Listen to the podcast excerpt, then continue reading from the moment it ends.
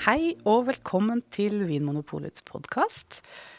I studio i dag sitter Anne Anna Stuland. Jeg heter Anne Engrav. Og så har vi en gjest, Knut Pedersen. Velkommen. Tusen takk. Det er veldig hyggelig å få være her. Ja, altså Vi har gleda oss sånn til du skulle komme, Knut. For eh, tingen er jo det at både Anne og meg har jo jobba sammen med deg på hvert vår side, holdt jeg på å si, eh, i butikk. Eh, og du er jo en av de vi kjenner som kan mest om vin. Er ikke det sant, Anders? Jo. Um, Knut har vært min um, Jeg vil nesten si at du har vært min mentor. Du har lært meg veldig, veldig mye om vin. Og når jeg begynte i Vinpolet, så var liksom de første årene i Vinmonopolet som, liksom, som, formet meg, så var liksom Knut kjempeviktig. Eh, så jeg, jeg ja, Nå skal jeg ikke legge for mye press på deg, Knut, men jeg har, jeg har, jo, jeg har en voldsom respekt for deg. Og jeg har også sett deg i aksjon i, i butikk, eh, der du hjelper kunder. Um, hvor du um, tar alle spørsmål uh, på alvor, og du De som vil, kan få virkelig masse, masse informasjon. Ja, det må jeg si. Mm. Du er en referanse. Ja. Og grunnen til at vi måtte hente inn såpass tunge skyts eh, i dag, er det at vi skal ha eh, Vi har tenkt å ta for oss Chablis. Og vi har egentlig funnet ut at vi må eh, gjøre det over to episoder. Eh, så denne episoden her skal handle om Chablis. Og eh, i dag så skal vi prøve å snirkle oss litt gjennom eh, historiske delen av Chablis, vinområdet Chablis. Eh, vi skal snakke litt om geografi og klima og geologi, for det må man eh, som regel komme inn på. Litt om produksjonsmetoder og stiler. Også i neste episode så skal vi gå litt mer inn på dette her med pris og kvalitet og dette kvalitetshierarkiet. Snakke litt mer om årganger og, og den slags. Mm. Høres det ut som en plan? Ja, det høres ja. bra ut. Ja, en bra plan. Mm. Da eh, tror jeg vi skal begynne eh, som vi pleier å gjøre når vi snakker om et vinområde, er bare eh, å få helt sikkert på plass hvor er Chablis? Knut, du har vært der. Hvordan reiser du for å komme til Chablis? da flyr man vel gjerne til en av flyplassene ved Paris. Så kjører, leier man bil, eller eh, Det er vel det greieste, siden, eh, selv om det går an å ta tog. Men et par timers kjøring, så er man i Chablis. Og da er man halvveis til Sentralburgund, så det er fint å stoppe der underveis til uh, det forjettede land med de ekstra dyre Grand Cruene. Men uh, Chablis er veldig sjarmerende, så det er dumt å ikke sette av tid til en overnatting der. Ja, for det er også litt sånn forvirrende det at Chablis er både en by og en vinregion, på en måte. Så du har Chablis by, og så har du Chablis eh, vinregionen som ligger eh, rett i tilknytning til byen. Ja. Så altså Chablis er altså da et eh, Vi er i Frankrike, det har jeg skjønt, siden du snakket om å lande i eh, Paris. Men det er altså da et område som ligger eh, i fransk sammenheng eh, ganske langt nord. Det er bare Champagne og Alsace eh, som ligger lenger nord, ikke sant? Jo, av de ja, berømte, av de, kjente, kjente, kjente, litt større områdene. Mm. Ja. Eh, ja. Og så er det jo litt pussig at det regnes som en del av Burgund. Når man slår opp i vinbøker, ja. så må du finne Chablis ved å gå inn i Burgund, eh, eh, eller Bourgogne-kapitlet. Eh, men det er jo ganske sånn Det er et stykke unna eh, Bån, da, som kanskje er sånn Ja, så geografisk og geologisk så vil vel mange si at det egentlig burde vært en del av Champagne. Hmm. Ja. For det ligger jo egentlig eh, nærmere eh, den sørligste delen av Champagne, altså Aube, enn eh, det ligger eh, i forhold til Côte d'Or, altså sånn hovedburgund. Så sånn avstandsmessig så ligger det nærmere både Champagne og egentlig Loire, ikke sant? Altså Sancerre for eksempel ligger jo også ganske nærme Chablis. Ja, det er i hvert fall sånn at man kan vel si at champagne og chablis nærmest er grens, grenser mot hverandre. Ja. Uh, så føler jeg vel at det er litt lenger unna, selv om man sånn geologisk uh, kan ha mer felles med da Loire-områdene hvor de dyrker Sauvignon Blanc. Ja. Men at de har havna i samme hva skal jeg si, at de har, at de har blitt burgundske, uh, Chablis, det henger vel sammen med altså, hvem som eide, hvem som styrte områdene. Eh, ikke sant? Det, det skal vi komme, komme, tilbake til når vi tar for oss historien. Men. Kan vel også være at det ligger liksom på hovedveien fra Paris til uh, Rivieraen? Ja. Rotterot de Soleil? Ikke sant? Ja. At det ligger på veien, rett og slett. Ja, det, det er samme veien. Ja. Mm. Men hvis vi skal ta denne historien, hvor begynner historien om Chablis? Hvis vi hadde hatt Jens Nordahl i studio, så hadde han begynt med svartedauden. Men jeg tror vi må begynne, liksom. Hvordan skal vi liksom eh, Hvor er det naturlig å starte denne historien? Ja, for uh, nordmenn så er det vel naturlig å skylde på vikingene. Ja. Og si at uh, Chablis ordentlige historie begynte ved at vikingene plagde munkene og drepte og ranet og stjal uh, fra uh, eiendommene i Loire, så de måtte få nytt land av kongen og, og komme seg vekk fra de store elvene som vikingskipene kunne komme opp. Er det sant? Så de, eh, de, flyttet seg da litt innover landet og ja. etablerte seg da i Chablis? Det er hvor 100 eh, dekning man har for at det var der det startet, det kan man vel diskutere, men Det er eh, interessant. Vi kan ta på oss litt av skylda. Ja. ja. Det er kanskje ikke en, sånn, en ærefull liksom, en del av Chablis historie, men men ok, så Du snakker da om munker, men, men romerne, da? De får jo ofte hva skal jeg si, æren for å ha etablert mange av liksom, de europeiske vinmarkene. Var det ikke de som Jo, man kan vel anta at det var vinproduksjon før der også, men at det med organiseringen som klostrene sto for, ble litt mer system og gjort litt mer kanskje kjent andre steder. Ja. Med de, det nettverket som de hadde. Munkene hadde litt mer orden på ting, men ja. Ja, fordi eh, sånn som, Jeg, jeg syns det er vanskelig å egentlig eh, finne sånn nøyaktig eh, sånn dato eller sånn årstall for når liksom, vindyrkingen begynte i Chablis. Naturlig nok. Det er jo ikke Altså, man har jo ikke Det finnes jo ikke bøker fra så langt tilbake i tid. Si. I hvert fall ikke Internett.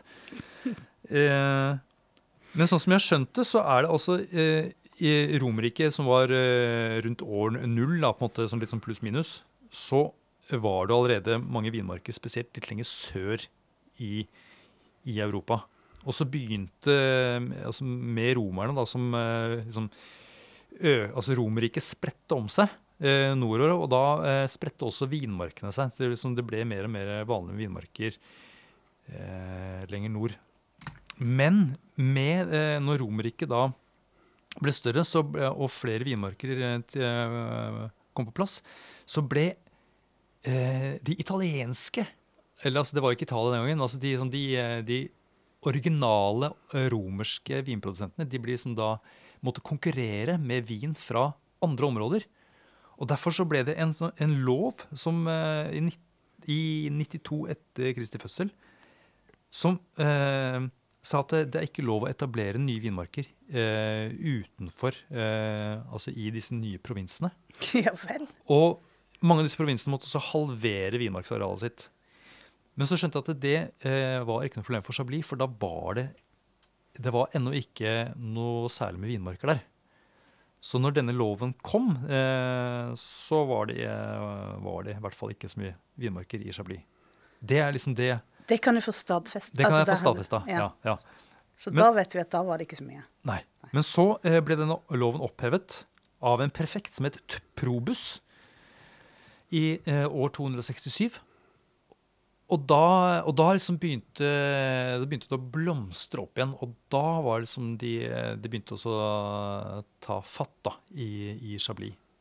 Så fra sånn rundt 300 år etter Kristi fødsel mm, ja. Sånn sirkus. Ja. Nettopp. Sirkus Kristus. og eh, eh, nå har jo så Chablis den fordelen at det ligger jo, som Knut nevnte, såpass nærme Paris. Da. Så det har jo hatt sikkert en veldig sånn, god effekt på det å ha et marked for, uh, for den vinen man lager også. Ja. ja, helt klart. Helt klart. Og så kom klostrene. Ja. ja. Eh, det var ikke klostrene som kom, det var jo, eh, det var jo altså Munkene. Munkene kom. Eh, kirken kom, ja. Eh, og da, det første klosteret, det har jeg, da har jeg funnet 500, år 510. Kan det stemme? Knut nikker. Ja. eh, og så eh, Og så kommer altså disse sistersienserne, som da er en munkeorden. Ja. Som de, de, var store i, lenger ned i Burgund, ikke sant, Knut? Jo da, det, det var de, og, ja. og, det var jo en rivalisering med, med de og benediktinerne. Ja, nettopp. Og det var sistersienserne som var virkelig, de hadde virkelig sånn systemorden på sakene når det gjaldt eh, vinproduksjon. og liksom, eh, liksom, ville alltid gjøre forbedringer og, og, sånn. De tjente vel penger på dette her òg? Å selge, selge, vin? Ja. ja, nei, det var vel det mm, som kanskje uh, for benediktinerne tjente vel også penger på det, men eh, de nøt vel livet litt vel mye, syns eh, munkene i sistersiensersystemet. Eller sånn som de munkene som var i den orden, eh, ble utnyttet, kan man kanskje si, av de som styrte den orden. Så ja, for da har jeg da, lest at eh, sistersienserne de kjøper seg inn i år 1100 inn i Chablis. Fra altså de, de altså munkeordene som allerede er, er, etablert der. Og da må de betale eh, ti ganger 225 liter med vin i året eh, for å liksom, eh, liksom, etablere seg da i, i Chablis. Mm. Ja, så det, altså eh, Er det da sånn å forstå at dette er til Har allerede fått et, liksom, altså et slags renommé? Ja, fordi du var inne på det med dette med Paris, ikke sant? Ja. Som da ligger eh, eh, to timers eh, kjøring med bil. Nå hadde du ikke bil på sånn type 1100-tallet, selvfølgelig. Eh, det var jo dårlige veier, egentlig. Det var det som var det geniale med eh, der hvor Chablis ligger. fordi det, Chablis ligger da ikke så fryktelig langt unna eh, en by som heter Auxerrois som har da eh, forbindelse med Paris via eh, elven Jon. Ja, eller Auxerre, som Os det kanskje er. Auxerre, ja. Er dagens navn. Men Auxerrois, er det mer det er, mer, det er druen, det? Det er en drue, drue som uh, er en variant av pinot blanc. Ja. Pinot Auxerrois. Akkurat. Jeg bare nikker. Ja, ja, men så, så byen Auxerre, som da hadde forbindelse med Paris via denne elven Jon, ikke sant? Ja, ja, og så er det jo en mindre elv i Chablis eh, som vel også kan benyttes, selv om den uh, vel uh, ikke kan brukes til for store farkoster. Nei, Så du tenker at der var det mulig å ha en liten, liten pram som man kunne liksom, ha noe fat på, så kunne man liksom skipe den nedover så man kom ned til den litt større elven? Ja, nei, Jeg har ja. ikke prøvd å rafte nedover der, men jeg antar at det var, sikkert var mulig. Ja, ja, for det var jo det som de ikke hadde. altså Lenger sør i Burgund så hadde jo ikke denne, denne geniale forbindelsen med Paris. Så det gjorde at i, i, i denne perioden, sånn 1100-1200-tallet, så var jo vinene fra Chablis mye mye mer kjent i Paris enn vinene fra uh, lenger sør i Burgund. Ja, nettopp. Uh, så de, ja, nei, det, var liksom, det, var, det var det som var gullegget holdt på å si, for Chablis. var denne, At det var lett å komme til det parisiske markedet. Og eh, dette eh, utvikler seg da videre. Vi er Altså, hvor, hvor var vi kommet hen? 500 år etter Kristus, eller skal Nei, vi ta vi, noen hopp? Ja, nå er vi på sånn 1100-1200-tallet. Og det, det, som jeg, uh, dette her er jo ikke ting som jeg kan. Sånn, jeg, dette har jeg jo lest, selvfølgelig. Ja, ja. ja uh, men visstnok, altså navnet Chablis det her får dere arrestere meg hvis dere på en måte har funnet annen informasjon. henger visstnok sammen med det keltiske eh, ordet for kabelferge, eller, ka eller kabel. eh, sjabl. Oh, ja. ja. Fordi nemlig over denne elven Serin, som da renner gjennom eh, byen Chablis, så um, var det ingen bro før uh, på midten av 1200-tallet. Men man hadde da en, sånn, en kabelferge, altså en båt som liksom dro seg over via en sånn kabel. Ja, eh, og, det, og, det, ble kalt Chable. Og Visstnok kan Det er en teori da, at det er det som er utgangspunktet for dette navnet Chablis etter hvert. ja. Mm. Jeg tenker også at uh, er, Hvis man tenker logisk, uh, så har jo de vindistriktene som ligger uh, lengst nord, en fordel med å være nær områder som ikke kan produsere vin. Så de kommer nærmere markedene, rett og slett, um, i gamle dager. Og det er mindre sjanse for at vinen blir ødelagt av høy temperatur og oksiderer og blir varmeskadet og sånn. Ja, det er et godt poeng. Så det er, det er, flere faktorer her som gjør at det, var, eh, at det ble en suksess. Og det er klart, altså, Kom de seg først til Paris, så var det jo da ta scenen, og så var det videre ut til, eh, til Atlanterhavet, rett og slett. Eh, så man hadde tilgang til det engelske markedet og mye større. ja. Hmm. Eh, ta oss videre, da. Skal, skal ta, ja, Og så har jeg da notert det at, eh, at eh, i 1477 så blir Chablis og, og, byen og området rundt blir da en del av grevskapet i, Bourgogne. Nettopp. Formelt sett. Så der, der, der, på en måte sklir der, der der sklir de inn i folden, eh, rett og slett. Eh, og så, eh, så, skjer det andre ting. Det, det er ikke bare vin som er eh, hot i Chablis. Eh, det etableres da trykkerier eh, sånn på slutten av 1400-tallet. Eh, og trykkerier det var jo høyteknologi den gangen. så det var som folk stimlet til. Så da var det, I 1478 så var det registrert over 4000 innbyggere da, i Chablis. Så det er jo en relativt stor, stor by, egentlig. sånn... det er jo ikke en liten landsby sånn i gamle dager da? 4000? Nei, nei, kanskje ikke. Ja, nei. nei. jeg kan ikke tenke meg at det er særlig flere som bor der nå. Nei, nettopp. ja. liksom jeg har ikke sett på innbyggertallet, men ja. uh, jeg kan jo de som er nysgjerrige, uh, sikkert google. ja. Nei, men også, også, også, og Vinproduksjonen den går jo sin gang, selvfølgelig. De, tryk, de trykker uh, bibler og, og annet annet som må trykkes, selvfølgelig, og så lager de vin. Eh, og så eh, drikkes det chablis da rundt omkring i, eh, i Europa, eh, i, i Paris bl.a. Og, og så begynner eh, chablis å nevnes eh, i bøker, selvfølgelig. Når trykkeribransjen er i gang, så får man bøker, og der kan det da plutselig stå ting om chablis. og det er f.eks.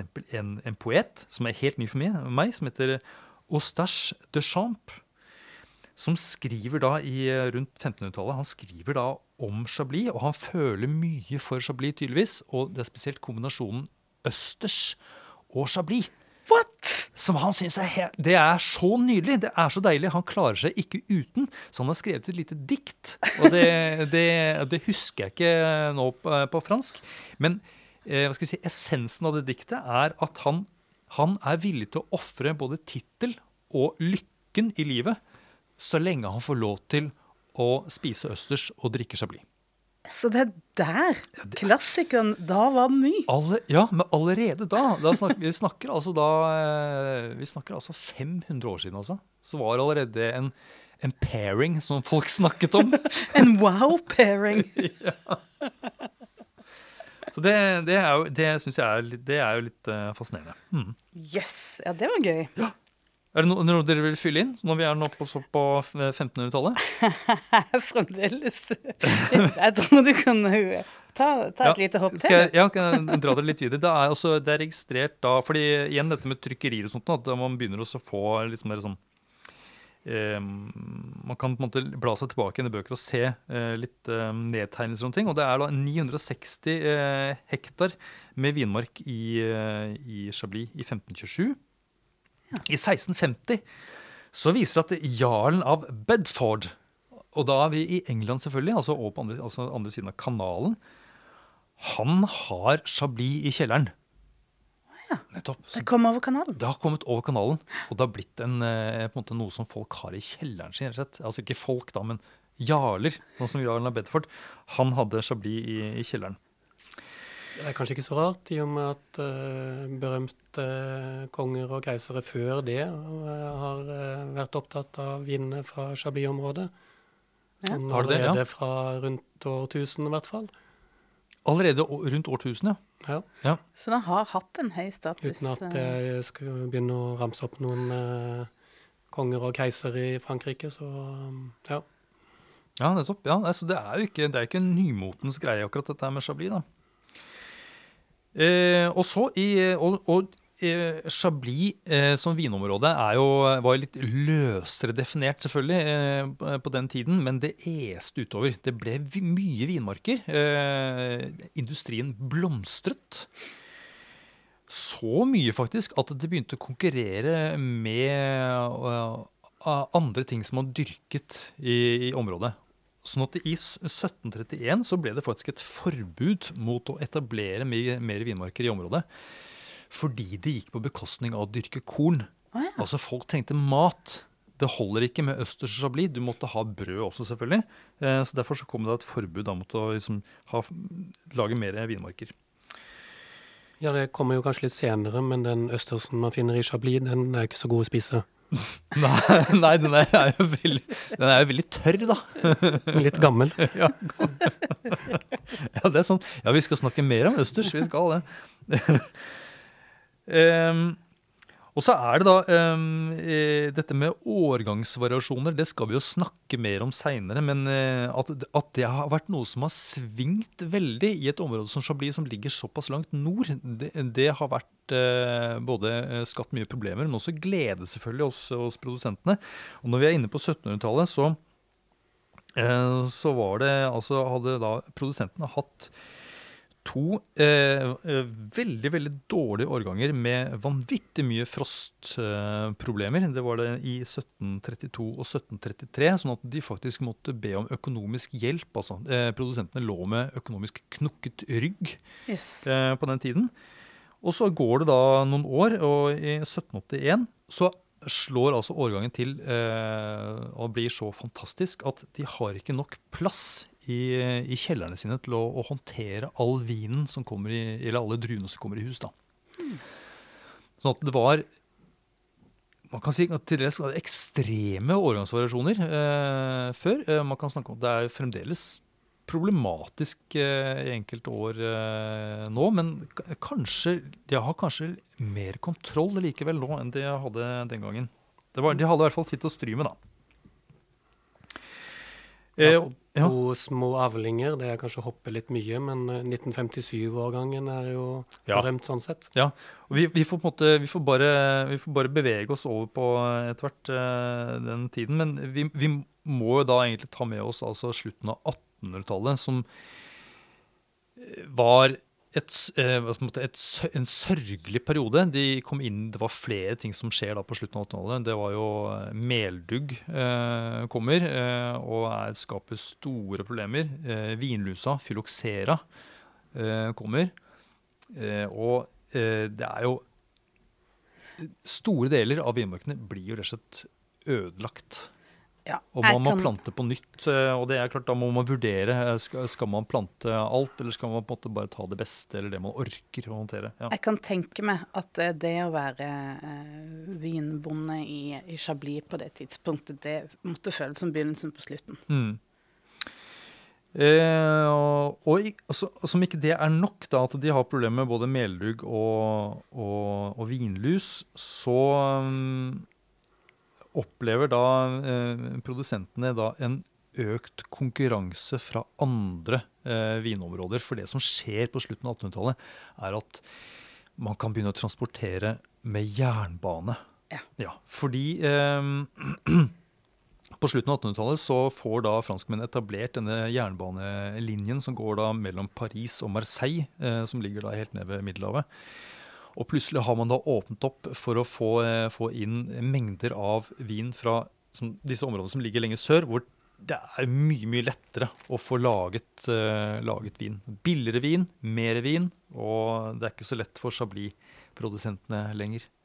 Og I tillegg så viser det seg at, at de kanskje ødelegger litt for seg selv også. Og dette her er kanskje opptakten til dette her med, med vinlovene som kommer etter hvert.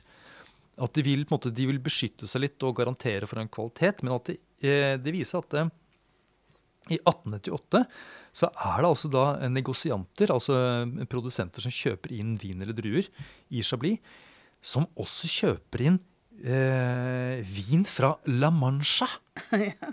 Eh, Som er da et område eh, i Spania som er som kjent for å lage liksom, mye mye vin av sånn, liksom, moderat kvalitet.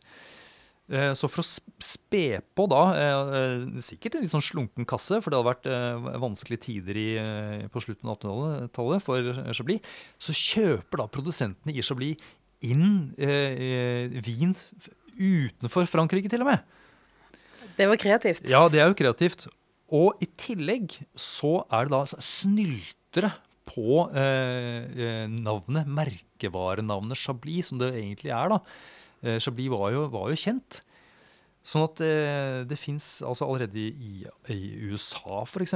så merkes jo vin som Chablis. Det lages Chablis utenfor eh, Chablis-området og merkes eh, som Chablis. Sånn at det, eh, det presser på da, fra mange mange kanter egentlig eh, for eh, produsentene i Chablis. Så det også kommer da eh, etter hvert da første verdenskrig. ikke sant? Nedgangen bare Det fortsetter. er, det er bare trøbbel, trøbbel, trøbbel. trøbbel, Og eh, vinmarksarealet det går nedover og nedover og nedover, rett og slett. Eh, veldig, veldig veldig trist. Men det er jo det som også da kanskje tvinger fram eh, en del endringer, da.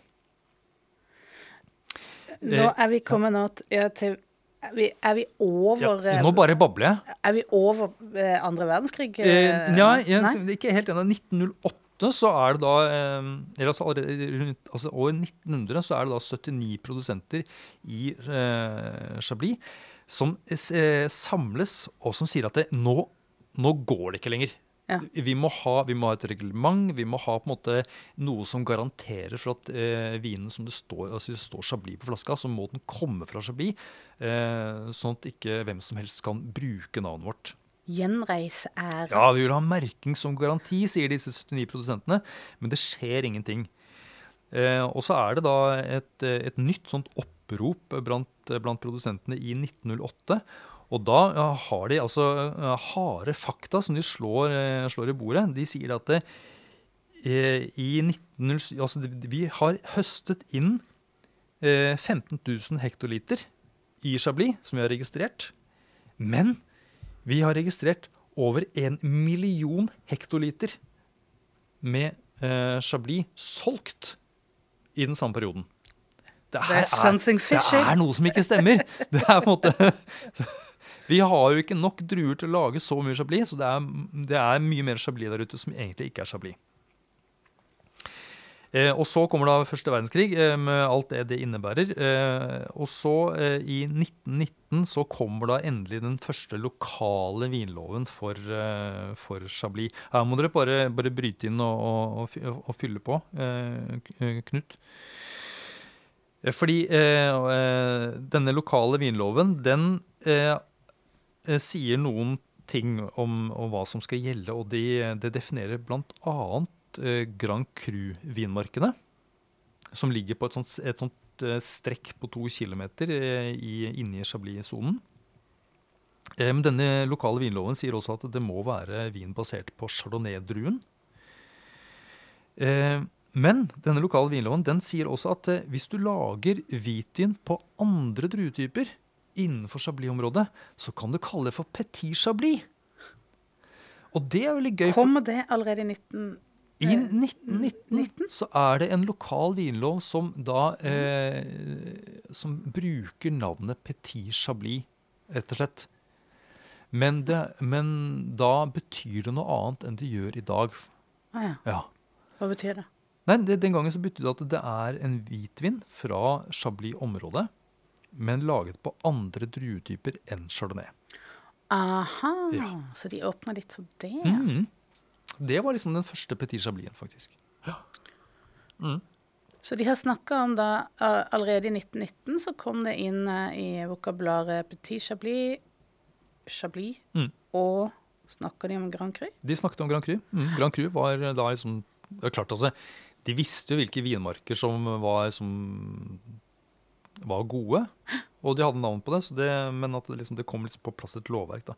Men allerede i 1920 så var det en revidering av denne lokale vinloven, og da eh, dukket det plutselig helt andre navn opp. da.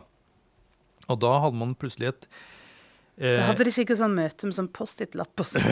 ja. Litt drodling. Eh, og det de fant ut da, var at eh, det øverste nivået kvalitetsmessig eh, skulle da kalles for Grand Vin de Chablis. Eh, og det var da kun vinene fra, laget fra Grand Cru-vinmarkene som fikk lov til å kalle seg Grand Vin de Chablis. Og så fikk man da et eh, nivå under som heter da Chablis Village Superieur. Det høres jo veldig bra ut. Som da var eh, vin fra Chablis-området, og bare basert på chardonnay. Og så fikk man da et, nivå, et tredje nivå under, som da het Chablis Village. som da var fra Chablis-området, men fra andre druetyper. Altså det som den fra året før var Petit Chablis, det ble da eh, hetende Chablis Village. Så litt sånn famlende. De, de, de famler seg litt fram her nå, eh, de lokale lovgiverne, som finner riktig navn og klassifisering klassifiseringer og sånt. Men det er et behov for å eh, inndele etter kvalitet? Helt, helt klart. Mm. Så de, de, gjør noen forsøk da i 1919 og 1920. Eh, og så er det klart at hvor skal grensen gå, da? ikke sant? Hvor er det Chablis eh, slutter? Eh, og Eh, mange, mange, vil bruke Chablis-navnet fordi det er verdt mye, og noen mener at vi ligger såpass nært eh, Chablis at vi skal få lov til å være med. Og det var noen landsbyer, eh, bl.a. Lignorell og Villy, som jeg tror da ligger litt nord, kan det stemme? Jeg tror det. Ja, det stemmer. Ja, som da eh, i 1920 da ikke fikk lov til å være med, men som da begynner å, å selvfølgelig da krangle på at det, det, det syns de at de skal få lov til å eh, gjøre. Og så de går, til, de går til sak og får lov til å beholde da eh, retten til å eh, kalle vinene sine Chablis. Mm. Og så går det litt sånn slag i slag, egentlig. Og i 1923 så kommer det da eh, et nytt forslag og eh, som, som, sier at man skal vi, skal vi, droppe dette med village. Det er veldig forvirrende. Også, og, Enig. Ja, mm, og i dette forslaget også så begynner man å, å, snakke om skal vi begynne å klassifisere vinmarkene basert på jordsmonnet, dere?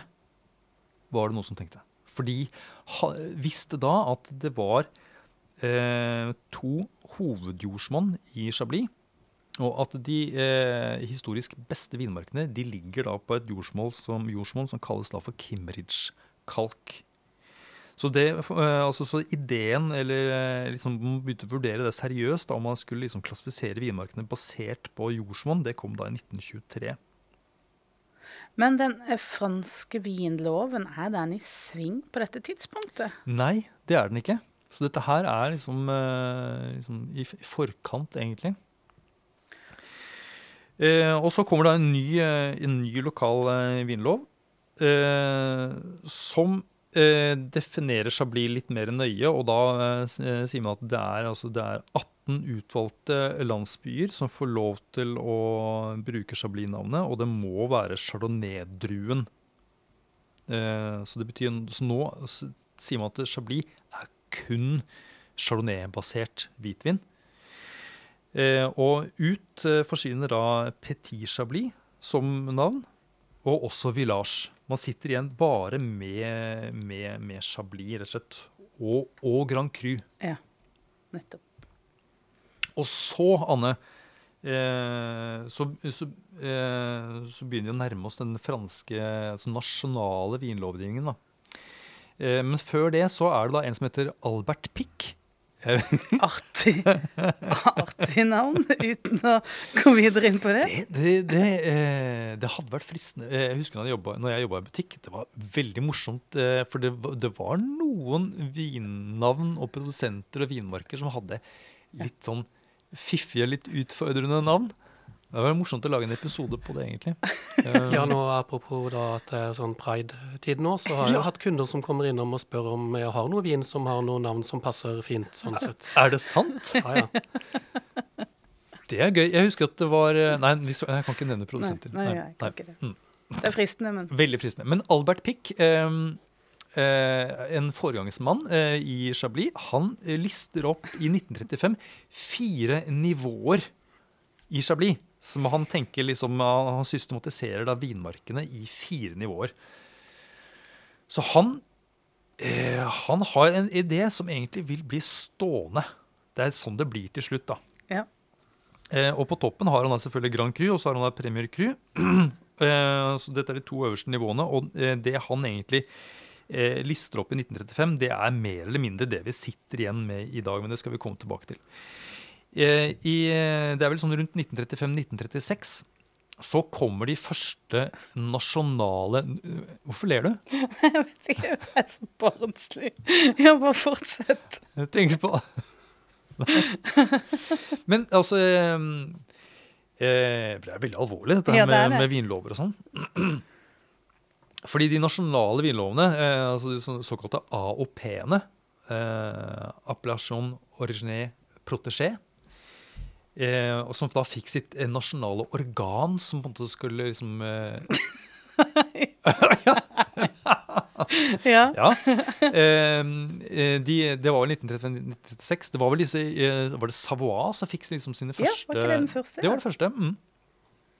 Men Chablis får da eh, forankret sitt regelverk i dette nasjonale eh, disse nasjonale vinlovene eh, i 1938.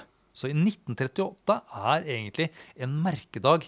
Det er da AOP Chablis etableres. Ja. Blir en eh, nasjonalt anerkjent vinlov. Eh, og blir hugget i sten. Hugget i Kimmeridge kalk. Ja. ja, nettopp. Etter påtrykk fra pikk. Ja, nettopp. Eh, så fødselen av Chablis som vinlov Det er ikke bare et stående forslag. Nei. Ja. Eh, 1938. AOP Chablis, altså. Mm. Og så eh, Skal vi se eh, Og da er det I dette det vinregelverket da i 1938 så er det da eh, 20 landsbyer som får lov til å kalle seg Chablis. Det må være Chardonnay. Grand Cru er, eh, er med også. Men Premier Crew er fremdeles ikke med. Nei. Premier Crew er ikke med som et, eh, si, et begrep som kan brukes på etikettene. Men at Premier Crew vinmarkene, altså at man har på en måte bevissthet om at det er gode vinmarker som har disse, disse navnene f.eks., det, det finnes jo, men de er, ikke, de er ikke forankret i en nasjonal vinlov. da. Eh, og heller ikke Petit Chablis. Og så i 1944, og det er jo litt pussig, for da er vi jo eh, eh, under krigen, da. Så eh, kommer faktisk da Petit Chablis eh, tilbake som eh, et, eh, et begrep som kan brukes i den nasjonale vinloven. Men kritikerne mener at det, at det er for utydelig hvilket område som kan bruke Petit Chablis. da.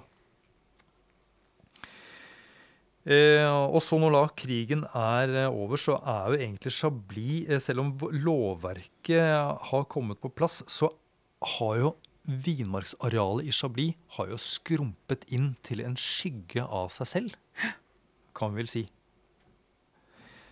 Eh, jeg vet ikke hvor mye vi er nede med, hvor mange prosent vi er nede i, men det er, altså, det, er for, det er forsvinnende lite igjen, egentlig, På 50-tallet, ja. på, på 50-tallet.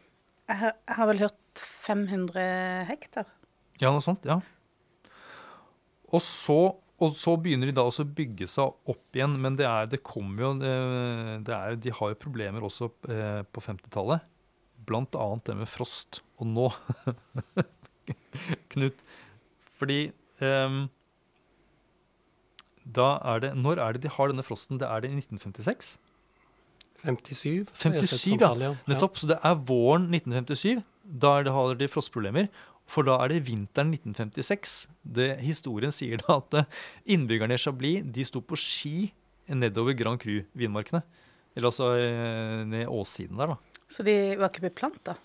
Ja, det, jeg synes det høres veldig rart ut. Jeg lurer på om det er en sånn urban myte. Altså, jeg synes det for meg at Vi har jo sett at det går an å kjøre ned bratte skråninger med gamle ski eh, her i Norge også. Det er jo laget noen filmer om Sondre Norheim og sånn. Ja, jo, Så men ikke vinmarker. Men det, ja, det, eh, slalåm mellom vinrankene, kanskje det var det de drev med? Kanskje Jeg er også stiller meg tvilende til at, egentlig at disse Chablis-innbyggerne hadde ski liggende.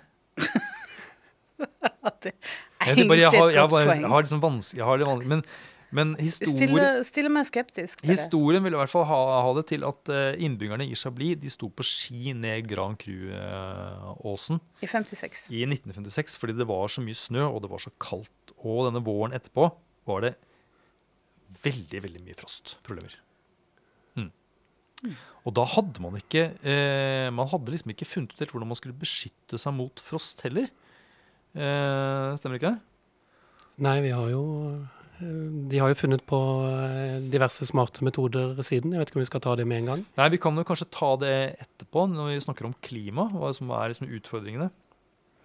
Eh, og, så, og, så, må jeg si at det, Men selv om det var en kald vinter, så tenker jeg jo at eh, da skjer det jo ikke så mye med plantene så lenge det er veldig kaldt. Så det må jo ha kommet en eh, varm periode før som da gjør at plantene begynner å få noen knopper, som da rammes av frost som kommer tilbake. Det er sant.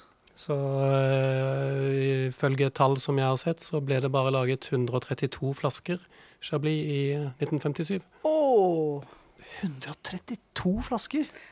Så hvis det dukker opp på en auksjon, så kan man eh, anta at her er det noe muffins, kanskje? Ja, i hvert fall hvis det er 133 flasker som skal selges. eh, og så, eh, så, kan vi hoppe litt fram i tid, for i 1967 da tas nemlig Da blir Premier Cru eh, Er det det samme tallene som dere har? 1967? Da blir Premier Cru en del av det nasjonale eh, regelverket. Kan, eh, produsentene kan sette Premier Cru på, på, etiketten, og de kan ha navnet på da elleve eh, utvalgte eh, Premier Cru-vinmarker. Kan de da sette navnet på, på etiketten. Ja. Det var altså eh, det var, Jeg tror det var altså da elleve som ble godkjent. Eh, men det fantes så mange flere navn for Premier Cru-vinmarker, egentlig. Eh, var det 24 opprinnelig? Eller i hvert fall som ble listet opp tidligere. Eh, men, men, den gangen så var det også da vanligere å tappe de bare som Premier Cru, men uten navnet på altså enkeltvinmarken. Fordi veldig ofte så hadde man små parseller sånn for, å, liksom, for å liksom, du kunne ikke fylle et fat halvfullt, liksom. Du måtte fylle, fylle, det helt opp. Og da måtte du kanskje spe på med parseller fra andre Premier Cru-vinmarker. Så da eh, merket du vinen ofte som bare en Premier Cru, men uten vinmarksnavn. Ja. Jeg har hørt denne eh, saken her eh, bli omtalt som borgerkrigen i, i Chablis. Det var ikke, jeg tror ikke det var enkelt å bli enige om hva som var eh, riktig å velge ut, og hvilke prinsipper man skulle velge, og hva som var parseller og hva som var vinmarker. og ja. Ah, så det, for Dette har jeg bare hørt rykter om. Borgerkrigen i Chablis. Så det handlet da om klassifiseringen av Premier Cru-vinmarkene? Og eh, utvidelsen av eh, området. Ikke sant? Knut, jo, utvidelsen av området generelt med å godkjenne vindmarker med fin beliggenhet i forhold til soleksponering og drenering, eh, men som da hadde feil type kalksteinsjordsmonn. Ja, Så her kom man inn igjen på dette med Kimmeridge eh, jordsmonnet, rett og slett? Ja, at ja. det kun var det som skulle være det riktige jordsmonnet, og Portland ikke skulle være godkjent. Mm. Så selv om vinmarken hadde liksom en god eksponering, og man liksom erfaringsmessig hadde visst at her kommer det bra druer, så ja. var kanskje ikke det nok. Og da er det lett å tenke at de, de produsentene som da eide mange Kimmeridge-vinmarker, de var vel kanskje ikke så interessert i at de De var vel ikke interessert i enda mer konkurranse? Nei. og er det ikke, har ikke det vært en tendens at Chablis har vokst? Det eser liksom ut? Jo, altså eh, jeg, vet, nå, jeg kan ikke så mye sånn astrofysikk, men er det ikke sånn at eh, eh, eh en sol den, på en måte, den, den eser utover? ja, Nå mente mer i lovverket, altså. Jo, jo, men nå, vent nå litt nå. Ja. Og, så, og, så, dør den. Eh, gjør den ikke det? Og så ja. Og så utvider den seg igjen. Er det, er det sånn? Ja, det stemmer, Anders. Høres. det høres riktig ut. og sånn er det litt, eh, Chablis også. De var jo De vokste og vokste og vokste. De var jo kjempestore. Eh, før liksom nedgangstidene på slutten av 1800-tallet. Og var nesten borte. Og så har de vokst igjen. Så det er jo liksom Jeg tenker at eh, Det spørs litt når, hva, hva, er det man skal liksom ta utgangspunkt i? Hva er det som på en måte er den originale Chablis-området? Mm. Eh, jeg ville spurt uh, Knut Pedersen. det vil jeg, ja. Vi spør Knut Pedersen. Hva er liksom eh, Hvor, uh, hvor Ja, hva er liksom Chablis-området? Hvor lite bør det være? har jeg vel ikke noe svar på. Jeg tenker jo at det kunne godt ha vært større i en del retninger i forhold til jordsmonnsbegrensninger, hvis man skal da tenke på at det er også en del Kimmeridge-jordsmonn som ikke er inkludert. Som ligger eh, lenger utenfor, og som kan Ja, som ligger mer perifert. Så det er jo klart at her er det begrensninger som kommer av eh, avstand fra eh, stedet Chablis. Så det er jo helt klart at det er interesser her som ikke vil at området skal bli for stort, selv om det klimamessig og geologisk eh, hadde vært naturlig å ta det med. Mm. Ja, men det er interessant. Å ser sånn som Champagne, for eksempel, som har eh, altså hvor Aube ligger som en, sånn, en satellitt et godt stykke unna de andre områdene i Champagne. Så det er jo, det er jo det er mulig, men det er utrolig vanskelig når liksom ting først har liksom satt seg, og liksom det fins liksom regler og lovverk og sånt nå. Det, da Ja. Det er eh, eierinteresser og penger og ja. Det skal være mye til for at det skjer noen endringer i det lovverket nå. Ja. Så, nei, men det er, ja, det er interessant. Så, eh, så, og mange av de områdene du kanskje da tenker på, Knut, det var jo kanskje da områder som lagde og solgte vin som Chablis. Eh, Ja, jeg ville tro at områder gamle, som nå eh, lager eh, champagne, eh, lagde mye mer stillevin før, ja, f.eks. Nettopp. ja, det er interessant. Men skal vi ta litt om denne her geologien, da? Nå har vi slengt rundt oss med Kimmeridge og Sier dere Portlandian, eller har vi et eh, norsk ord for det? Port Portland kalk? Eh, Portland eh, kalk, ja. Portland leire er det også noe som eh, sier. Kan, kan, kan jeg bare slenge på noen tall? Sånn eh, helt sånn på tampen Ja. dette her med utvidelsen av, eh, av Chablis og sånn. Ja. Som kanskje ikke er så svevende som sånn astrofysikk og døende stjerner. Um, ja, for jeg, jeg har nemlig eh, funnet litt sånn tallmateriale som beskriver liksom hvordan øh, altså, arealet har økt, da. Uh, og i 1950, som da var eh, helt klart et, en, en bunnotering når det gjaldt eh, areal, eh, det, da var det nede på 492 hektar. Du sa 500, Ane. Det var veldig nært. Det var veldig nært. Veldig nært. Eh, mens i 2018 så, så har jeg funnet da tall som sier at eh, arealet er på 5641 hektar. Og det er alt, altså Petit Chablis, Chablis, Premier Cru, Grand Cru. Ja. Alt det som har lov til å kalle seg Chablis. Mm. Jeg, ser, jeg har også sett tall som er mye høyere. Er det- ja. Men da hvor det kanskje ikke er plantet og sånt noe, men hvor det er potensial til å videreutvide, som gjør at tallene da kryper opp mot 7000 hektar. Ja, altså 7000 eh, potensielle hektar med, med vinmark. Ja, for jeg tror de tallene jeg sitter på nå, det er altså da beplantninger. Eh, ja. Så det betyr at det fremdeles er sånne lommer av, eh, av potensielle vinmarker da, i, i området. Ja, det er nok Ja. helt sikkert. Mm. Men har, vi, har dere noe tall på f.eks. på høydepunktet før eh, nedgangen på 1800-tallet? Er det, er- var vi oppe i sånn hvor, 4000-5000 hvor, da? eh, hvor skal man da trekke grensene når man ikke har hatt noe lovverk? Nei. Når, hvis Nei. man tenker på hele John-området, og Ja, nettopp. hvor eh, skiller man mellom eh, det som nå er en del av Champagne, og, og det som nå er Chablis? Men- og vinmarker som strekker seg langt oppover mot Paris. Et, et, et, eh, et godt poeng, altså. Da, Men da det er kan, logisk kan man- å tro at det var enda større. Ja, øh, ok, hvis Chablis skulle være eh, sentrum der, da, så kan man jo snakke om 40 000 hektar. Mm, det er også det jeg har faktisk sett, ja. At det var, Akkurat. så Ja. det, var, det var mer vin i en periode. Det var det.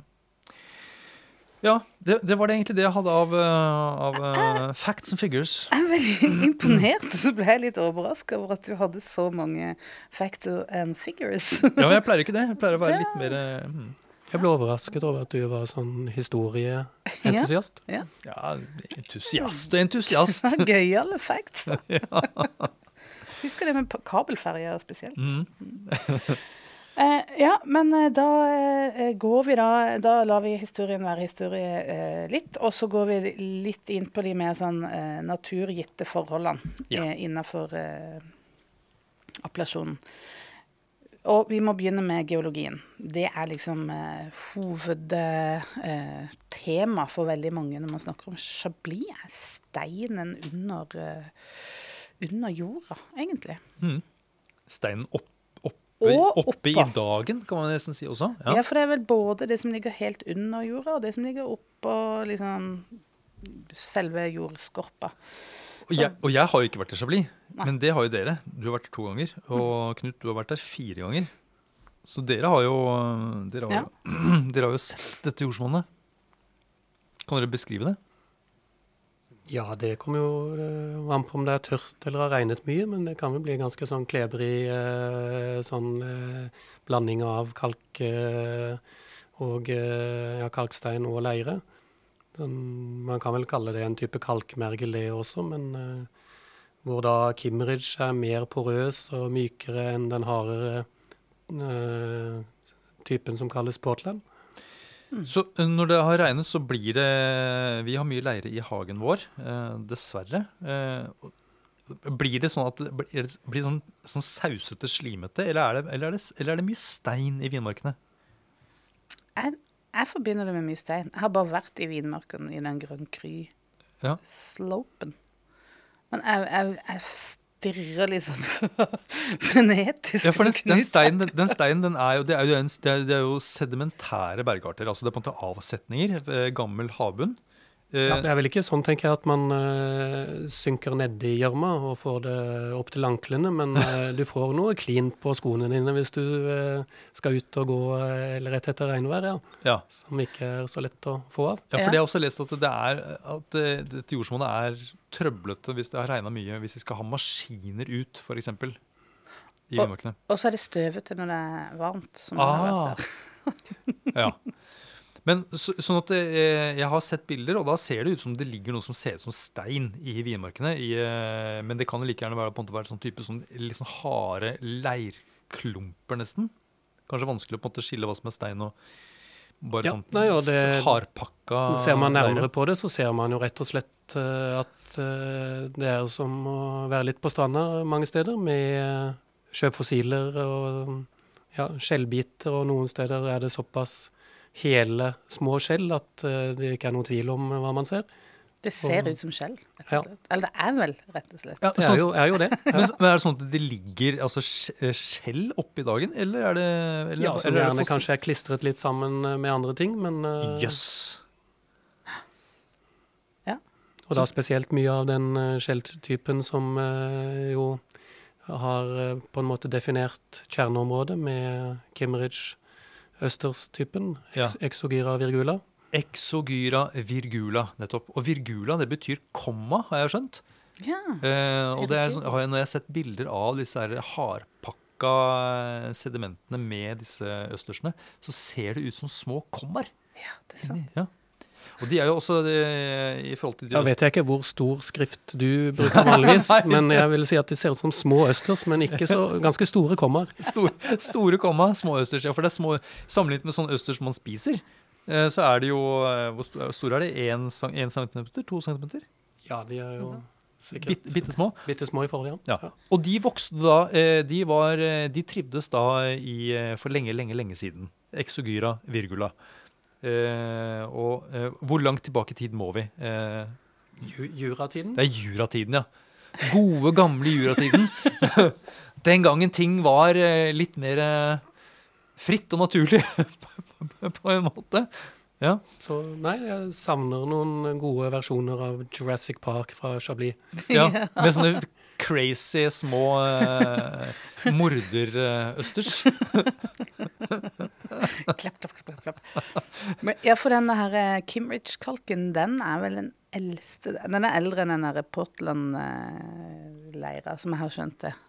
Ja, man har jo den Portland-typen på toppen av den, så eh, på i det som gjerne da er Petit Chablis eller eh, Åsflatene toppene, så finner man jo Portland, mens de skråningene er Kimridge. Kimmeridge. Ja. ja, for det er jo da eh, eh, Det er jo logisk, selvfølgelig, at de, eh, de eh, jordlagene som ligger høyere opp, de er yngre enn de som ligger lenger ned. Det, når, man tenk, når- når jeg tenker meg om, så virker jo det veldig logisk. Ja. Med mindre det er forkastninger.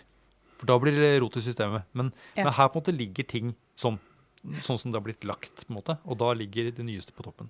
Men det er litt rart da at uh, Kimmeridge uh, gjerne regnes som mykere enn Portland. Man skulle tro at det som var øverst, uh, ble hardest. Nei, ble mykest, og det som var under, som fikk mer tyngde vekt på seg, ble enda hardere. Ja, det er sant, men hvorfor er det sånn, da? Jeg, bare, jeg, jeg har hørt at det er mer sand, f.eks., i, i Portland-leira eller kalksteinen. Det kan være noe av grunnen til at det er litt, eh, litt, litt hardere. Men eh, juratiden 180 millioner år siden. Stemmer det? Sånn der omkring. Sånn der omkring.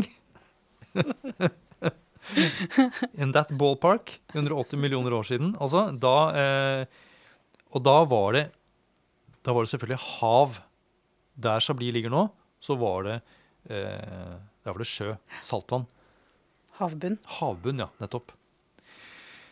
Eh, og, det er, eh, og, de, og, det er jo ikke bare Chablis som har dette Kimridge, eller dette, denne, denne, denne, havbunnen. De, Nei, for det er vel et belte, nærmest?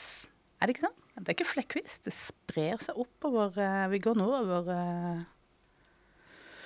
Ja, jo, Man finner det jo ikke bare i champagne, men det er jo en grunn til at vi driver på og sier disse navnene litt som om vi skulle være engelske. Ja.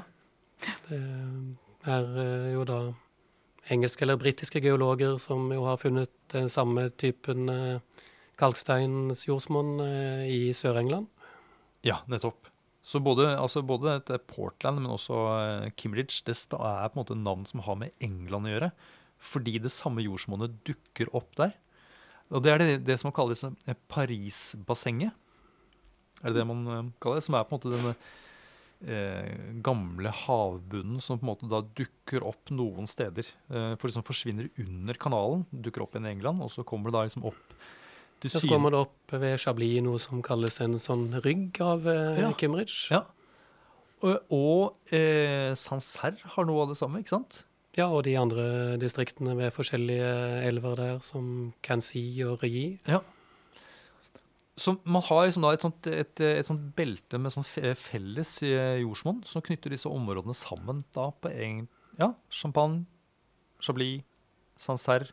Men også eh, noen av disse engelske vindistriktene har vel eh, jo, det... noe av det samme. ja. Hmm. Som da knyttes sammen eh, med gammel havbunn. Det er jo litt, eh, litt, eh, litt artig er litt artig. Og det er jo da gjennomført veldig i Chablis at man har identifisert Her er Kimmeridge, det er det beste. Men er det sånn, syns dere, at det gir et veldig tydelig preg på vin? Kan vi snakke om det? Vi kan godt snakke om det nå. Skal vi, ja, ellers er det, kan, er det neste episode? Jeg kan svare veldig kort med ja. det jeg tenker. Ok. Nei. Nei. Knut, har du et synspunkt på det? Det varierer. Ja. Så man har viner som jeg opplever som veldig markante, tydelige på det, mens det er andre som jo da kommer fra Chablis, og som skal komme fra riktig type jordsmonn, som det er forsvinnende litt av det preget. Og hvis du kjenner det igjen som tydelig, hvordan viser det seg? Ja, det lukter rett og slett uh, litt sjø- skjellaktig. Uh, jeg tenker i en uh, assosiasjon her hvis man da en varm sommerdag bader, og så uh, ikke tørker seg sånn voldsomt og lukter på huden rett etterpå, så den lukten man får av huden da, av, av sjøen som har vært på huden der. Og det er en god lukt. Veldig god, veldig god lukt. Ja, veldig, veldig veldig god lukt. Husker dere Uten at du har mye solkrem på det? ja, ja. Husker du den episoden med, med Seinfeld? Eh, dere har sett, eh, sett Seinfeld? Ja. ja. Eh, Kramer han, eh, han, er og, han, er ute og, bader. Han, han snakker jo om den der gode lukten av havet på, hav på, på hud. Ja. Så han lanserer en idé om å, hvorfor ikke lage en parfyme ja. eh, som er den lukten der.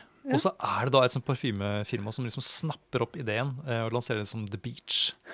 Er det sant? Mm. Så pussig. Og så kunne han bare kjøpt Chablis. Ja, kunne jeg gitt tilbake. så, men eh, eh, Og ja. i munnen kan man vel si at uh, man kan føle at det er en slags uh, sjøsaltsmak. Altså en, uh, et ord som har eh, fått en renessanse der, eh, også i det norske miljøet, er jo salinitet. Ja, rett og slett en, et sånt lite hint av saltsmak i, i munnen. ja. Mm. Og, og, eh, det er jo også ofte sånn at uh, vinene har et smørpreg, som noen snakker om noe sånn sjøsmørtone. Sjøsmør, ja. Jeg har hørt om sjøpølse, men aldri sjøsmør. Men, ja. Tangs, tangsmør. Ja. eh, ja, men det er, no, det er jo besnærende da, at eh, vin som eh, er laget på druer som kommer fra vinmarker med gammel havbunn og østers, ender opp å eh, lukte og smake som sjø. Mm. Eh, det, er jo veldig, veldig gøy, og det er eh, morsomt å legge merke til. Og det er jo eh, en, en fantastisk ting sånn markedsføringsmessig.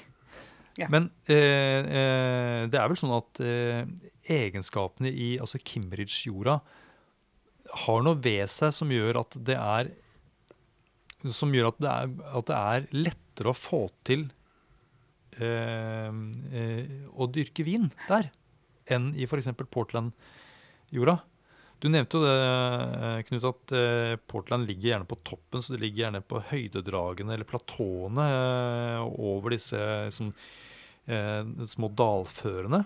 Ja, og nede i dalbunnen har man kanskje en annen type ja. kalkstein, for ikke snakke om mer sånn ferskere alluviale ting som elven har tatt med seg. Ja, nettopp. Da, da, men da snakker vi mer om topografien. ikke sant? Eh, at noe er på toppen og er da liksom mer utsatt for vær og, og, vind, og kanskje kaldere, mens det er mer utsatt for frost og, og sånt noe helt på bånn. Eh, men eh, det er vel også sånn at eh, Kimmeridge-jordsmonnet eh, har en evne til å holde litt mer på vann enn Portland. Mm. Og eh, det er vel sånn at eh, Chablis om sommeren i hvert fall er et relativt tørt klima. Nå skal vi snakke litt mer om klima også, men eh, at det også er på en, måte en, sånn, en, en positiv egenskap da, med Kimmich-jordsmonnet eh, sammenlignet med Portland. At, eh, at plantene ikke så lett blir vann, altså tørkestressa mm. i det jordsmonnet. Ja, Det er jo fascinerende når man ser på en ekstrem årgang som 2018. At uh, de har kjempestor avling i et år hvor man da skulle tro at man fikk bitte små inntørkede druer på plantene. For uh, i 18 mm-hmm. hadde man uh, i mange gode vinmarker, Premier Kryer, omtrent dobbelt så stor avling som i 2019. Ja. Ja, nettopp. Så det handler om at dette, Og Portland, selvfølgelig. altså Leire holder jo på vann. Mm. Ja, Så det er en, selvfølgelig en fordel. Så, så, er det jo da ikke for mye leire. Det blir nok stein også til at det ikke blir for uh, fruktbart for plantene. Ja. De skal jo være litt stresset med at det ikke er uh, for lett tilværelse, så de satser på å produsere avkom eller druer som da kan uh, tas med til et annet sted via fugler eller noe sånt. Så da må det jo smake godt. Ja. Og det er vel noe med det at eh, kalk er både holder litt på, på, vann, men også drenerer. At det har en sånn Det har en fin balanse, eh, jordsmonnet, for å få mm. god smak på mm. råvaren. Mm. Eh, da har vi snakket om jordsmonn, ja.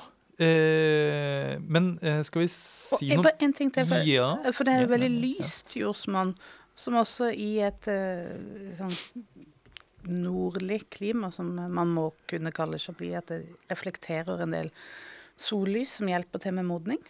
Så det er også en annen positiv egenskap. Mm. Ja, nei, Det er godt å ha noen gode briller på seg når man går i Grand Cru-markene f.eks. om sommeren. Er det, er det sant? har vært tørt. Ja. ja. Jeg var på en tur der i eh, begynnelsen av august, hvor det jo da var veldig varmt, og var ute og tok en løpetur før man eh, skulle spise mye mat på god restaurant der. og og eh, sportsbriller eh, som eh, tar av litt for lyset, er behagelig å ha på seg da. Så det er sett et jordsmonn der man kan eh, stå i fare for å bli snøblind?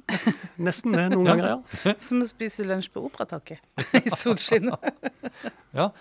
Ja, men sånn veldig Kalkritt jordsmonn det fins jo også, det er jo andre områder i verden så, som er som kjent for det. altså Champagne f.eks. Men, men, Man kan jo også se bilder fra Jerez, Jerez nettopp. Mm. hvor det ser ut som det nesten er snø og ikke mm.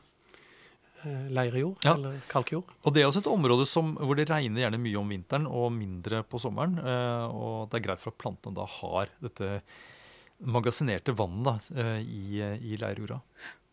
Ja, Men vi kommer jo ikke heller unna klima. nei, men vi Nei, det svinger fort der. Jeg nevnte denne løpeturen eh, Ja. hvor det var fryktelig varmt. Ja, Um, og så kom dagen etterpå, eh, hvor eh, temperaturen da droppet fra over 30 til, eh, til sånn 15 grader. Så da var det litt kjølig å stå ute hos et firma som da hadde smakingen utenfor en bod. Og vi trodde man kanskje gikk inn for å smake, men da sto vi utenfor og hutret. ja. Og du tenker at det er noe som er litt sånn typisk for Chablis? Eller at det er eller, Ja, det kan være litt som i Norge at eh, man ikke kan stole på at det er godt og varmt vær hele tiden. Det kan komme nye værsystemer inn, uh, sånn, ja, Uh, us, litt ustadig. ja. Og denne vekslinga mellom varmt og kaldt eller kjølig da, i vekstsesongen har jeg lært er med på å forsterke eh, det med høy syre Ja. i vinen. At det liksom eh, bidrar til at druene holder lenger på syra. Er det? Ja, for Ja. at du stopper liksom Modninga stopper litt i de eh, øyeblikkene det blir eh, kaldt. Mm. Og at det må startes opp igjen. At det blir en sånn der eh, Syreutviklinga skjer litt Hva skal man si? At den faller ikke så fort, da. Jeg er ikke helt ferdig med geografi. OK. Sitter jeg, sitter jeg og kjenner på nå. Ja, men det ta, ta kjør på. Nei, fordi- vi, vi, ja. For vi har snakket om jordsmonnet, men vi har jo ikke snakket om topografien, altså på en måte landskapet, sånn sett litt mer fra avstand. For nå har vi vært, har vi vært veldig sånn, vi har vært under jorda nærmest. Vi har vært og øh, gransket det på nært hånd. Men hvis vi liksom trekker oss litt unna, hva er det vi ser da? Eh, Hvordan, hvordan vil dere beskrive landskapet rundt Chablis by? Dere som har vært der? Ja, som et eh, bølgende landskap. Ikke noe landskap med sånn dramatisk natur, men eh, allikevel fascinerende med helninger som kan være relativt bratte. Men ikke noe stupbratt, og, og eh, et landskap som ser ut som et, eh, et definitivt eh, fint kulturlandskap. Mm, Ja. det er sant. Og så er, ja, det er som du sier, det er, bøl, det, er, det er bakker, men det er ikke men det er ikke dramatisk. Det er liksom avrunda former. Ja, det er ikke noe veldig kli- klipper og knatter og juv. Det er eh, litt mer sånn sivilisert. Avrundet. Mm, Avrundet. Ja. Og, øh, og ikke flatt. Jeg har ikke sett noe flatt, men nå har jeg kanskje bare vært rett rundt til byen. Ja, Det tenker jo at det er eh, relativt flatt i, i dalbunnen, eh, selvfølgelig. Og den dalen er ikke så smal. Så kan det jo selvfølgelig også være litt flatere opp på platåene. Ja. Men de er jo ofte selvfølgelig litt avrundede, de også, så det er ikke noen Det er ikke direkte sletter oppå der. store sletter, nei. For det er sånn som lenger nede i Burgund, der er det veldig sånn tydelig at der i åssida, der er det de beste vinmarkene, og så er det flatt. Det er veldig sånn tydelig, syns jeg, å se. Ja, Det har man jo også i Champagne, hvor, med områder som har kalkrikt jordsmonn som vender mot eh, øst, eh, sørøst, og så er det store sletter videre østover. Ja, nettopp. Og da snakker vi mer altså Spesielt Côte d'Or er på en måte mer en, på en, måte en sånn eh, en, en dal som er liksom litt sånn tydelig definert, og som går på en måte nord-sør. Ja. Mens i Chablis, når jeg i hvert fall ser på kartet, så er det mer eh, abrupt, eller altså delt opp. Det er denne hoveddalen som du sier, Knut, ikke er så smal. Den er vel én kilometer eh, omtrent. Eh, og der ligger da Chablis by, altså selve episenteret for området. Ja, Så deler den seg jo da i to ben eh, sørover også. Ja, sånn da på en måte som går eh, ja, nettopp, Den går som en Y-form, nærmest. Ja, en eh, opp-ned-y. En opp-ned-Y. Veldig godt eh, observert der. ja. eh, og så er det da noen sånne sidedaler igjen, som går, eh, sånne forgreininger som går da både østover, men også vestover. ikke sant? Jo da, men jeg føler jo at det definitivt er en dal, da, mens øh, jeg tenker omvendt med Kotor, der er det mer en åsside mot øh, store sletter utover, Ah. så man ser ikke den andre dalsiden Nei, siden det er så langt unna. Mm, ja, en sammenhengende dalside er mer, Mm. mens her er det mer små, smådaler, gamle bekkedrag og, og sånt noe, som har formet landskapet. Sånn Sånn kollete. kollete, ja. Mm. Eh, og det er jo, som du nevner, veldig mange ulike soleksponeringer. Altså det er både vendt hit og dit og, og den andre veien. Ja, og det er også interessant. Fordi man, altså, Såpass langt nord så tenker man at man skal ha eh, en, en, en, en sørvestlig eksponering. er jo på en måte det optimale. ikke sant? Mm. Men en del vinmarker ligger faktisk med en nordvendt eksponering. Og fremdeles kan kalle seg Grand Cru Nei, ikke Grand Cru, unnskyld, eh, Premier Cru. Jo, det er faktisk noen deler av Grand Cru-vinmarkene ah, ja, som også har det man kaller en nordlig eksponering. Mm. Men der har jeg skjønt at da er det viktig at helningen ikke er for bratt. For da mister du på en måte Da får du, eh, en, da får du uh, slagskygge, rett og slett. Da vil vinplantene ligge i, i, skygge. Så Derfor så må de være litt mer slake, disse mer nordlige eksponeringene. Ja, det er jo en liten andel av det også, og, de havner jo litt uh, tett opp i uh, mer uh, soleksponerte marker, så det mm, blir jo ikke liggende noen store lommer med kaldluft innenfor de vindmarkene, da. Ja. Ja, nettopp. Det, ja, eh, og det er, også, er, jo interessant, egentlig, at de, de ligger liksom eh, vendt litt forskjellige retninger. Men eh, de beste vinmarkene, de ligger jo stort sett eh, sørvestlig. Ja. ja. Høyde, høyde, over havet. Eh, dette her var jo tidligere under havet. Nå er det over havet. Eh, og da snakker vi tror jeg, 130 meter til, til 270 meter vinmarksmessig. For det er jo på en måte noen sånne Så kan man si at eh, for å huske enkle tall, så ja. er 150 til 250 liksom kjerna ja noen, liker, ja, noen liker å si det. Jeg liker ja. å si 130 til 270. ja, du, ja, Chablis utvides, er det det du tenker på? ja. Så det er jo noen av de mest berømte som nettopp har utvidet uh, vinmarksarealet sitt med å plante mer i, i ovenfor sine ja, mer kjente vinmarker, ah. som da blir Petit Chablis. Uh, produksjon uh, fra uh, firmaer som da tidligere ikke hadde Petit Chablis på repertoaret. Men de, de, de beveger, begynner å bevege, bevege, seg opp på høydedragene eh, mer? Ja, når ja. prisen går opp, så ser du jo at uh, hvorfor ikke plante der også? Og dette er områder som det ligger Er, er de skogkledde, mange av disse liksom, toppene av disse kollene? Eller er det, er det vinmarker eller dyrket mark, dere som har vært her? Det er nok en blanding av både det ene og det andre. Både det ene og andre, ja. ja. Det... Men det er kanskje sånn mest ikoniske Grand Cru-sida. Der ligger det jo et lite belte med skog, og så på toppen ligger Chab eh, Petit Chablis eh, vinmarker. Ja. Til og med en liten park inni den skogen med en sånn utkikkspunkt med sånn Med kart der du kan liksom se hvilken vinmark som er. Et, et, en attraksjon, rett og slett. Ja. Eh, Nettopp. Men det betyr jo at det er jo faktisk eh, Det er jo litt, noen meter forskjell da, fra den lavestliggende vinmarken til den høyestliggende vinmarken. Vi snakker da om ca. 140-50 meter. Det er tilsvarende på en måte eh, minimum og maks i Danmark. Himmelbjerget. Er ikke, det, er ikke det 147 meter? Eller 138. Er det? Nei, jeg vet ikke ikke 147? Ja, noe sånt. Ja, men altså det bare synes jeg For ellers så tenker jeg altså Det imponerer jo ikke en nordmann å si at det er liksom fra 130 til 270 meter over havet. Men det er faktisk litt rann, altså.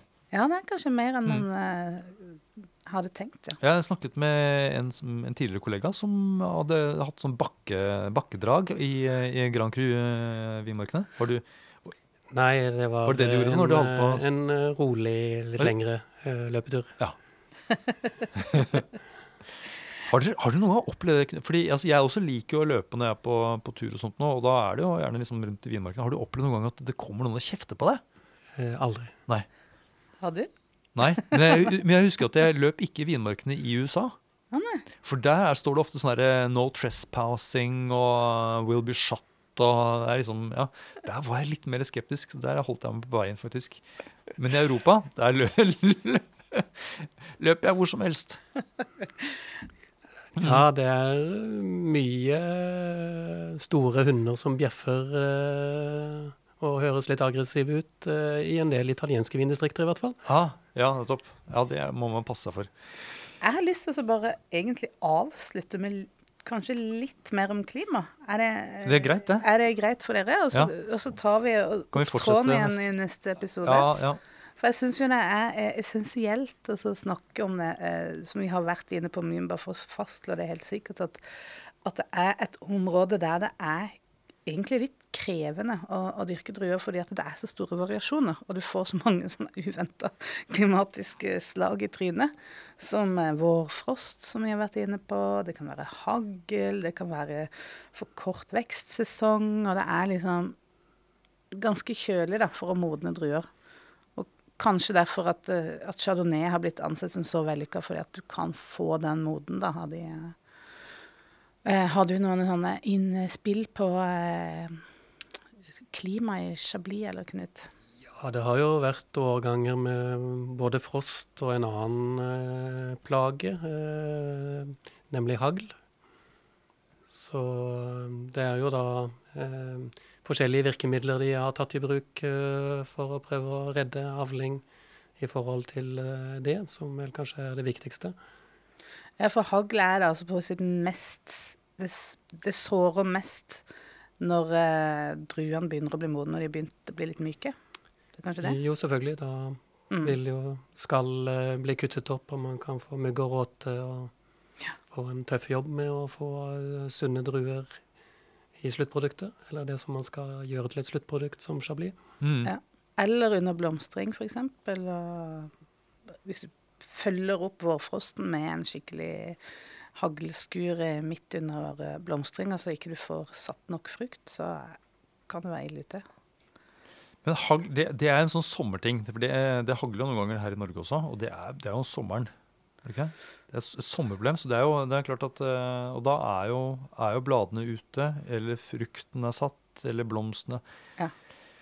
Og så er det sånn at i, nede i Europa så er haglen større, er det ikke det? Jeg sånn, ser jo sånne bilder av sånne tennisballer altså Hvis det kommer sånne kjempehagl Ja, det er skremmende. Det er jo, de er jo, de er jo sjanseløse. Og var, hvilken årgang var det det var så Hvor det gikk så fryktelig eh, galt sist nå? Var det 2016? Da var det, var det mye ødeleggende hagl, ja. ja. Og, var det, det, og det var veldig lokalt også, skjønte jeg. At det var sånne, sånne, noen felt, og gjerne Og igjen så er det Da er høydedragene det er mest utsatt. Ja. Nettopp. Eh, men da var det sånn, noen produsenter opplevde å få liksom, ødelagt masse av avlingen sin, og andre eh, merket ingenting. Det, ja. det, det, ser man jo også på uh, årganger med frost, at det er forskjellig uh, hvordan den rammer. Det er ikke alltid bare det som ligger lavest i dalbunnen. Så det er i hvert fall eksempler på at uh, to naboårganger som har hatt frost, begge to, da rammer veldig forskjellig. Ja. Og det er kanskje også litt dette landskapet som er så uh, kollete og har så mange liksom, bulker hit og dit, som gjør at den varme Nei, unnskyld, den kalde, sånne kalde frostlommer kan være litt lokalt. Ja, ja, helt klart. Men for å ta dette med hagl, altså, eh, Det er jo lite man kan gjøre. Altså, eh, ja, Haglet kommer, liksom. Du får ikke gjort så mye. Eh, og selv om det er værmelding, så får du ikke liksom det er sikkert mange uh, vininteresserte som har sett uh, eksempler på uh, rakettutskytning mot haglbygger. Ja. Rakettutskytning, ja. Har du sett Ja. Men gjør de det i, i Chablis? Har de, jeg har, de ikke bevitnet det, men jeg vil tro at de kanskje har prøvd seg på det der. Ja. Men så har man vel nå i større grad gått over til å kjøpe inn noen slags duker ja. som ja, er eh, tett, tettere enn nett. Det det sikkert kommer mer raffinerte utgaver av etter hvert som det nå har blitt tillatt. Som har det blitt tillatt nå? For jeg leste at det var et, det jeg kom over var sånn at det var et, eh, et forskningsprosjekt. At det var under uttesting i en treårsperiode med sånne nett. da. Ja, nei, Jeg leste vel et sted at det ble godkjent uh, ut sent på sommeren, tror jeg det var, i 2018. Ja. Uh, og da, Dette er da så finmaska nett selvfølgelig at, at hagl ikke kommer gjennom. Og da, og da, løper jo produsenten en annen risiko. For det første er det jo vanskelig å komme til plantene under. Uh, men det gjør at du får mindre luftsirkulasjon, så du har da økt sjanse for mm. råte uh, hvis det er liksom fuktig og varmt. Men det beskytter jo da mot Ja, altså, jeg regner med at de prøver å ha det på kortest mulig tid ja. når uh, faren er akutt. Og at de kanskje tar litt blad, at de, måte, de steller med plantene på en sånn måte at de er mer tilpasset det å ha nettet over seg, kanskje òg. Jeg vet ikke. Ja, eller at kanskje man får bedre, eh, luftigere duker som allikevel ikke slipper gjennom haglen. Mm. Og, eh. og, duker som kanskje også er litt mer transparente i forhold til lys. Ja, ikke sant. Og varme. Men det er jo eh, Det, er jo, det koster litt penger, helt sikkert, for for produsentene å kjøpe inn sånne nett. Og det er vel, det er vel sikkert av de mest, si, mest anerkjente vinmarkene som får sånn nettbeskyttelse eh, i begynnelsen, kan jeg tenke meg. Og hvis det er sånne duker, så kjenner jeg at jeg blir litt skeptisk, for det vil jo ha en oppvarmende effekt. Ja. Det er jo som å lage et lite, lite drivhus, drivhus, rundt planten. Ja, faktisk. Og så ser det jo heller ikke så pent ut. Jeg tenker at de eh, ja, for oss estetikere så vil jo det på en måte gi Det vil jo, eh, det vil jo prege landskapet, på en måte, da, hvis du kommer dit, og så er det fullt av sånne duker og, overalt. Men, som men, han er kunstneren som pakker inn alt. Ja, nettopp. Han Christo. Ja, ja. ja. Kanskje ikke har sånne rosa duker. Um, men jeg, altså jeg, jeg, skjønner jo, altså hvis det er sånn at du, du står i fare for å miste hele avlingen din Du, eh, du mister jo en inntekt da, for et, et helt år. Ja. ja. Så jeg skjønner at man vil gjerne verne seg mot det. Også, det ja, så har du hatt mye utgifter. Ja. ja. Mm. Men så var det dette med raketter og hagl. fordi jeg kommer nemlig også over at det Og det var ikke raketter, men det var kanoner. Kanoner mot hagl, for det var da etter 2016 som hadde denne, hvor det var så mye hagl. Så eh, fikk de da i 2017 på plass eh, sånne antihaglkanoner i området rundt Chablis. Så de har 40 40 kanoner. Jeg vet ikke helt hvordan de ser ut. Men de skyter altså da ut et, et, form for salt, tror jeg det, som heter sølv, sølviodid. Hmm. Eh, som da skytes opp eh, I, skya. i skyen. Eh, og som da gjør at, eh, at hagl Altså at det blir, kommer det som regn istedenfor hagl. Det er, fas, det er fascinerende. Det er, og Hver sånn kanon har da eh, fem personer som er liksom ansvarlig for denne kanonen. Og så får de da på en måte sånn, de har sånn værvarslingssystem, sånn at de får da en varsel. Sikkert sånn en, en, app eller noe. Ringer telefonen, så må de løpe til kanonen, og så må de fyre av. Jeg, jeg skulle likt å se en sånn der kanonutskytning. De... Har, har, dere sett det? Vet dere?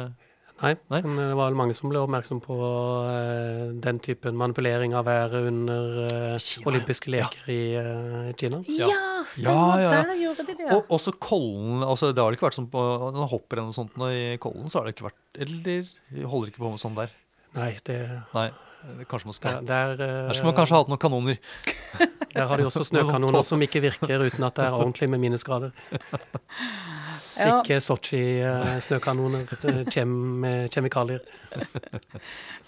Så eh, Det siste de liksom strever med, da, i tillegg til alle disse tingene Vi har vært innom vårfrost, det, det har vi også en egen episode om som, som går an å høre mer på. Um, men eh, det er jo da altså dette med å få druene modne nok. Det har jo lenge vært eh, utfordringer for, eh, for Chablis, og har også vært, i tillegg til dette geologiske, en sånn Eh, ideen bak eh, kvalitetshierarkiet, som vi skal komme nærmere inn på, som handler om det å, å få modne nok druer.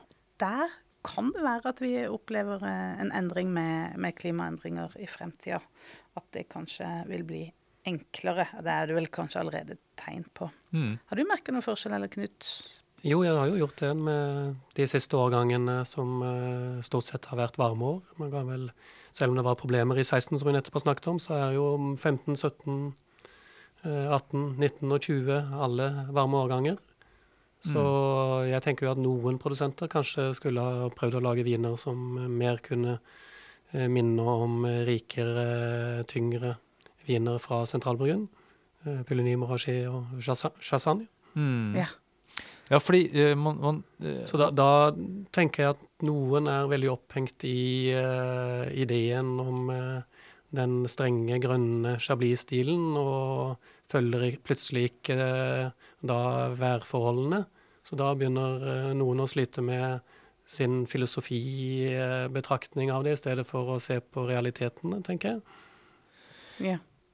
Og også publikum, og, og jeg har sett anmeldere som, nærmest slakter eh, årganger fordi det minner for mye om burgund, som jo for så vidt koster ja, ja, ja. mer og er mer anerkjent. Men... Ja, da, også da ser jeg jo veldig kjente anmeldere, eh, vurderere, som sier til disse oldtimerne 'get over it'.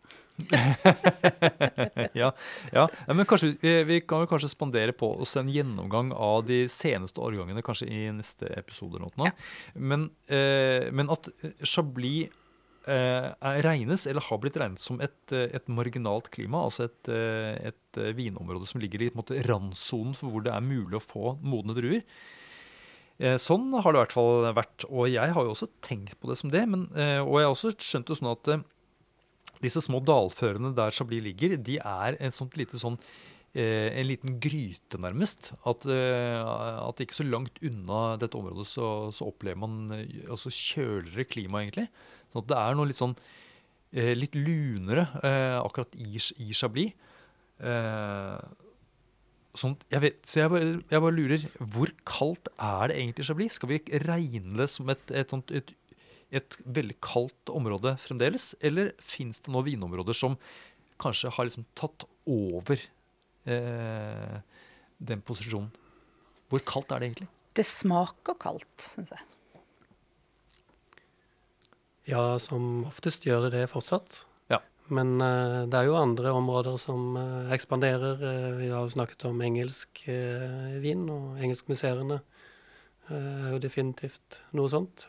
Champagne er jo selvfølgelig velkjent og berømt, og det er jo ikke nødvendigvis noe lukrativt å lage stillevin i de områdene, men det er jo områder som nå har forhold som er mye bedre for å lage fyldigere rikere viner enn det som er uh, druene man uh, tradisjonelt har høstet for å lage elegante, syrlige champagner. Mm. Ja. Nå er det vel ikke noe sånn at uh, vinproduksjonen er stor i Skåne og sånn ennå, men uh, det blir jo mer, mer vinmark i Sør-Sverige også. Ja. Kristiansand. ja. ja. fordi Du nevnte altså det med innhøsting, Knut. og det er jo eh, Det har jo på en måte Det har jo faktisk eh, endret seg, akkurat det med, med innhøsting. Eh, jeg vet at nå er det vel Nå må snuser man jo på slutten av august, begynnelsen av september som på en måte som normalen for innhøstingsperioden. Eh, mens man var altså sånn på type 70-80-tallet, så var man jo gjerne over i oktober før, yeah. man, eh, før man, begynte å, å, høste inn. Det er klart, altså Sånt nok kan det henge sammen med vitikultur, altså hvordan man steller plantene og sånt underveis i vekstsesongen. At det også framskynder modningen. Men eh, at klimaet har noe å si her, at det har endret seg, eh, eh det er jeg ganske sikker på. Helt klart. Ja. Det er vel eh, Vinbøndene var vel noen av de første som eh, begynte å rapportere om, om klimaendringene sånn, i praksis. Mm.